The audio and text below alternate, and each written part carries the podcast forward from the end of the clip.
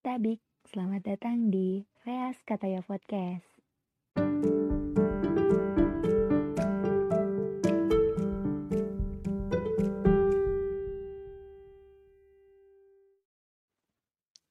Terima kasih ya telah mendengar dan menyempatkan waktunya. Semoga di bulan yang baik kita bisa terus maju ke arah yang lebih baik. Tidak stagnan, apalagi diam di tempat yang penghuninya saja sudah menyerah untuk menetap. Minggu ini pasti kita lagi semangat-semangatnya buat menahan. Menahan dahaga, menahan lapar, menahan ego, menahan amarah, pun menahan buat kontak si dia tapi tetap gak bisa. Akhirnya pesan terkirim dan kita hanya bisa menyesal karena gagal menahan godaan yang satu itu. Tapi jangan menyerah. Semangat terus ya. oh iya, di episode kali ini aku mau bahas sebuah kabar baik. Kabar baik yang tidak sengaja aku dengar. Atau bukan tidak sengaja deh bahasanya. Tapi tidak kuduga sebelumnya akan keluar dari mulut seorang teman. Seorang teman baik yang sampai saat ini masih bertahan buat jadi tempat berbagi di saat banyak sekali teman yang sudah memilih untuk pergi. Um, sebelumnya, kalau berbicara tentang teman, aku selalu miris sendiri sih. Miris karena nggak bisa make a friend semudah orang lain. Miris karena nggak bisa jaga pertemanan selanggeng orang lain. Miris karena mungkin teman-temanku pergi karena aku nggak baik jadi seorang teman, tapi mengharapkan mereka baik sama aku.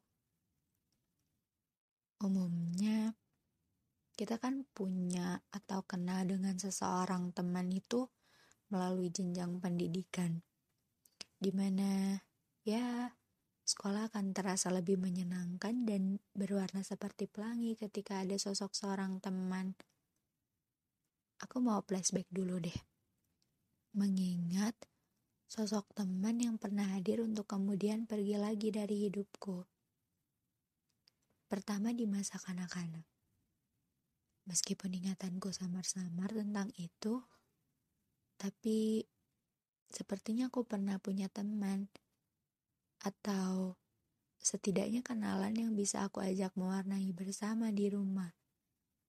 Ketika nenek sudah menjemput ke sekolah. Dan sekarang tidak ada satupun dari mereka yang menetap. Mungkin karena saat itu terlalu kecil untuk mengingatku. Aku berusaha berpikir begitu agar tidak terlalu sakit. Kedua, di masa putih merah.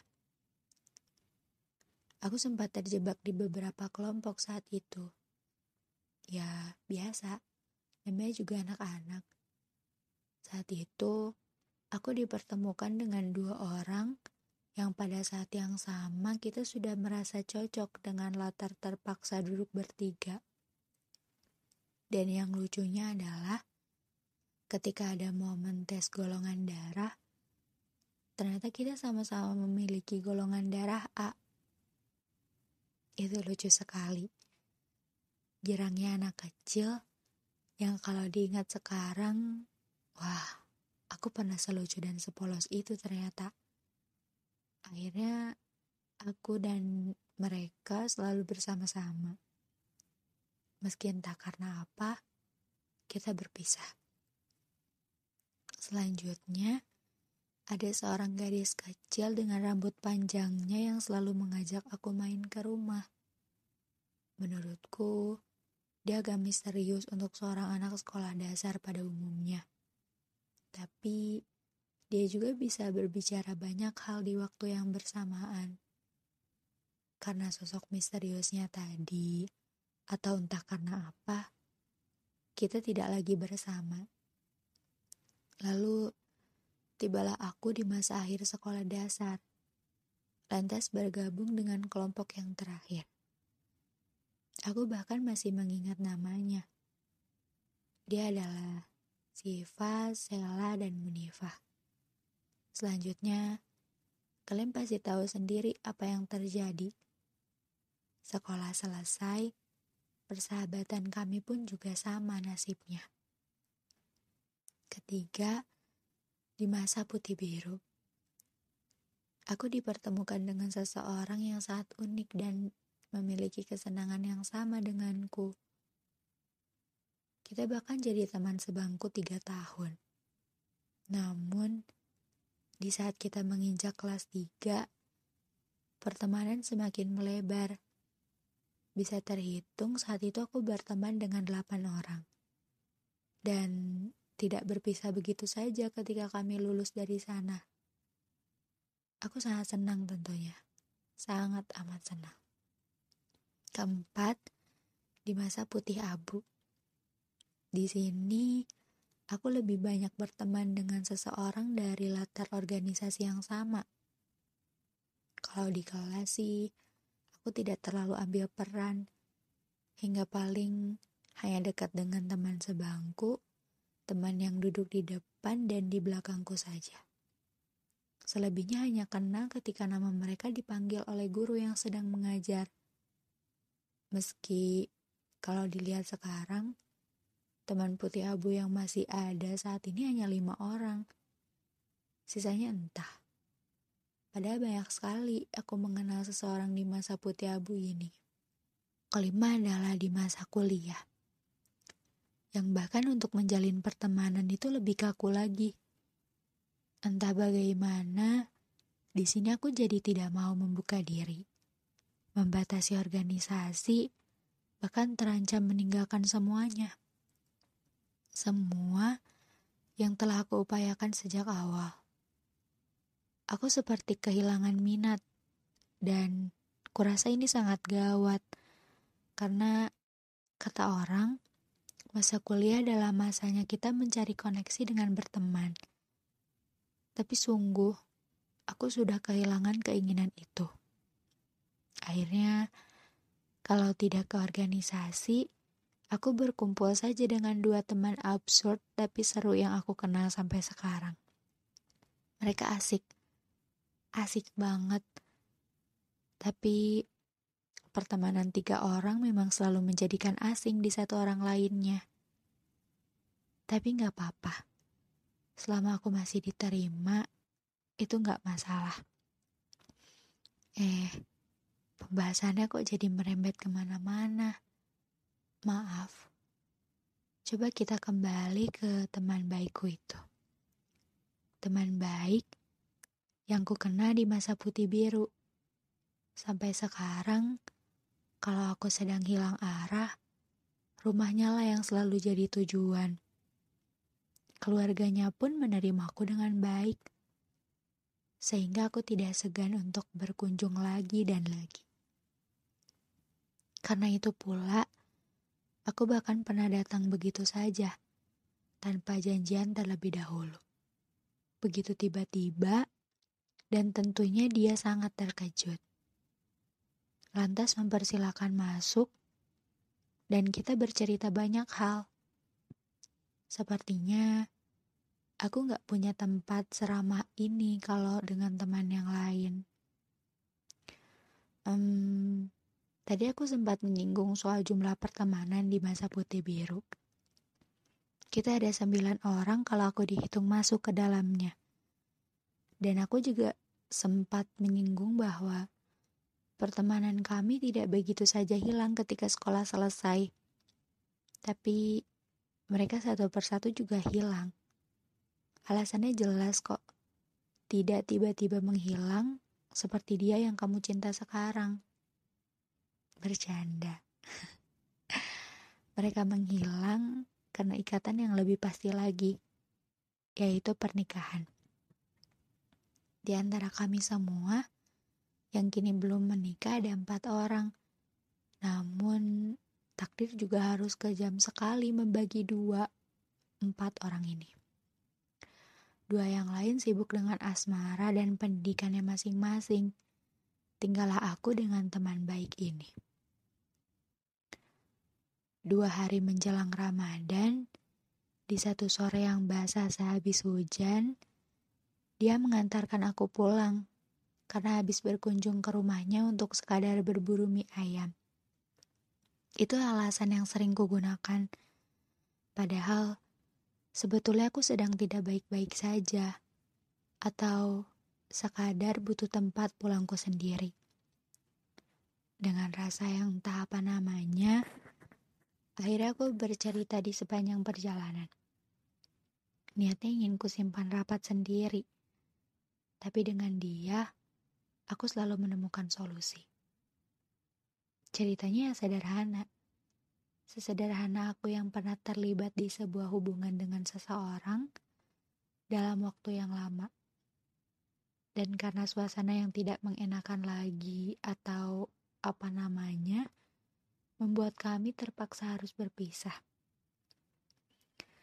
Ketika ku sebutkan waktu hubunganku dengan seseorang ini, dia begitu terkejut Aku merasa bersalah juga karena tidak bercerita padanya ketika mau mulai.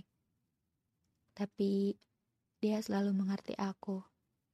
Bahkan dia tidak penasaran atau sekadar ingin tahu siapa nama dari seseorang yang sedang kubahas ini. Karena ya, terkadang seseorang itu selalu ingin tahu padahal tidak peduli. Kurasa lebih baik tidak usah tahu sama sekali jika tidak peduli. Itu pendapatku. Kalau kalian punya pendapat lain juga tidak masalah. Aku tidak merasa paling benar sehingga menyalahkan apa yang kalian anggap benar. Yang ku ingat, selepas bercerita, suasana hening sejenak. Dengan aku, yang terus saja terfokus pada senja kelam sembari masih juga terpaku pada sosok lelaki yang setia bertengger di ingatan. Teman baikku akhirnya bersuara, menanggapi sekadarnya apa yang kuceritakan dan membagi ceritanya. Perjalanan dari rumahnya menuju tempat pemberhentian angkutan umum terasa lebih panjang dari biasanya. Waktu juga seakan berhenti berputar ketika dia bilang bahwa dalam waktu dekat akan ada seseorang yang melamarnya. Dan jika semesta merestui, tahun ini mereka akan melangsungkan pernikahan. Tidak bisa dipungkiri, aku sangat terkejut mendengarnya. Mungkin lebih terkejut ketika dia mengetahui status hubunganku saat ini. Aku bahagia dengan kabar baiknya. Namun, yang menjadikan suasana terasa lebih suram adalah pertanyaan-pertanyaan menyebalkan yang menyempatkan waktunya bertandang ke kepala. Seperti, apakah aku harus kehilangan lagi kali ini? Apakah rumah yang selalu kudatangi di saat keadaan baik ataupun tidak, sekarang akan menjadi mustahil untuk didatangi? Ya, lagi-lagi aku menjadi manusia egois yang masih mementingkan diri sendiri dibanding kebahagiaan teman baikku. Aku berlaku seperti anak kecil yang merajuk untuk ditemani memilih mainan. Dan dia berlaku seperti seorang ibu yang dengan sabar memberiku pengertian. Bahwa dia tidak akan ke mana-mana. Masih bisa menemaniku kapan pun aku membutuhkannya. Kalau dipikir-pikir lagi, semua orang yang akan beranjak meninggalkanku selalu bilang kata-kata demikian. Serupa Walau kita berpisah, kau masih bisa datang padaku kalau butuh sesuatu. Memangnya, basa-basi seperti itu adalah kewajiban untuk diucapkan. Sesekali aku ingin bilang, kalau aku butuh kamu buat terus ada. Bukan butuh kamu sejenak, lalu kamu pergi lagi dari hidup aku yang gak punya apa-apa ini. Tapi aku gak bisa gitu. Mereka bukan punya aku dan aku gak berhak atas mereka yang akan pergi dariku. Karena, ya, Di dunia ini, emang kita nggak punya apa-apa sebenarnya. Cuma kadang ada banyak hal yang bikin kita berperasaan lebih, sampai bilang kalau sesuatu itu punya kita. Entah teman, pasangan, dan semua hal yang ada di dunia. Jangan-jangan dari awal kita itu bukannya kehilangan, tapi memang beginilah yang dinamakan dengan proses kehidupan.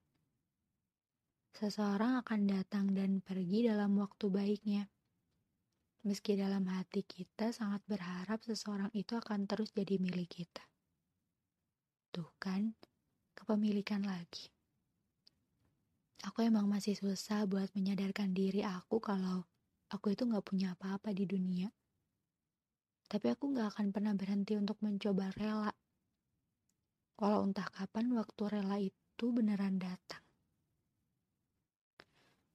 Inti dari semua ucapanku yang ke mana-mana ini adalah kita harus siap dengan proses kehidupan, seperti mendapatkan lalu kehilangan, bertemu lalu berpisah, berteman lalu jadi sekadar kenal atau bahkan saling memalingkan pandangan ketika berpapasan di satu angkutan. Mencintai lalu harus terpaksa saling meninggalkan, tetap hidup untuk kemudian dipertemukan dengan kematian. Semuanya hanya mau kita belajar, belajar untuk tidak terlalu kuat dalam menggenggam. Lepaskan saja, serahkan pada Yang Maha. Toh, kita harus percaya pada janjinya bahwa apa yang sudah ditakdirkan menjadi milik kita akan kembali pada kita Sejauh apa pun itu pergi, sejauh apa pun mencoba melupa, kalau memang ditakdirkan untuk kita pasti kembali. Pasti. Kita hanya perlu menanti dengan penantian yang benar. Jangan lupa juga untuk terus percaya bahwa suatu saat kita bukan hanya bertugas sebagai pendengar kabar baik, tapi juga penyampai kabar baik. Semangat ya! Sampai jumpa di podcast selanjutnya.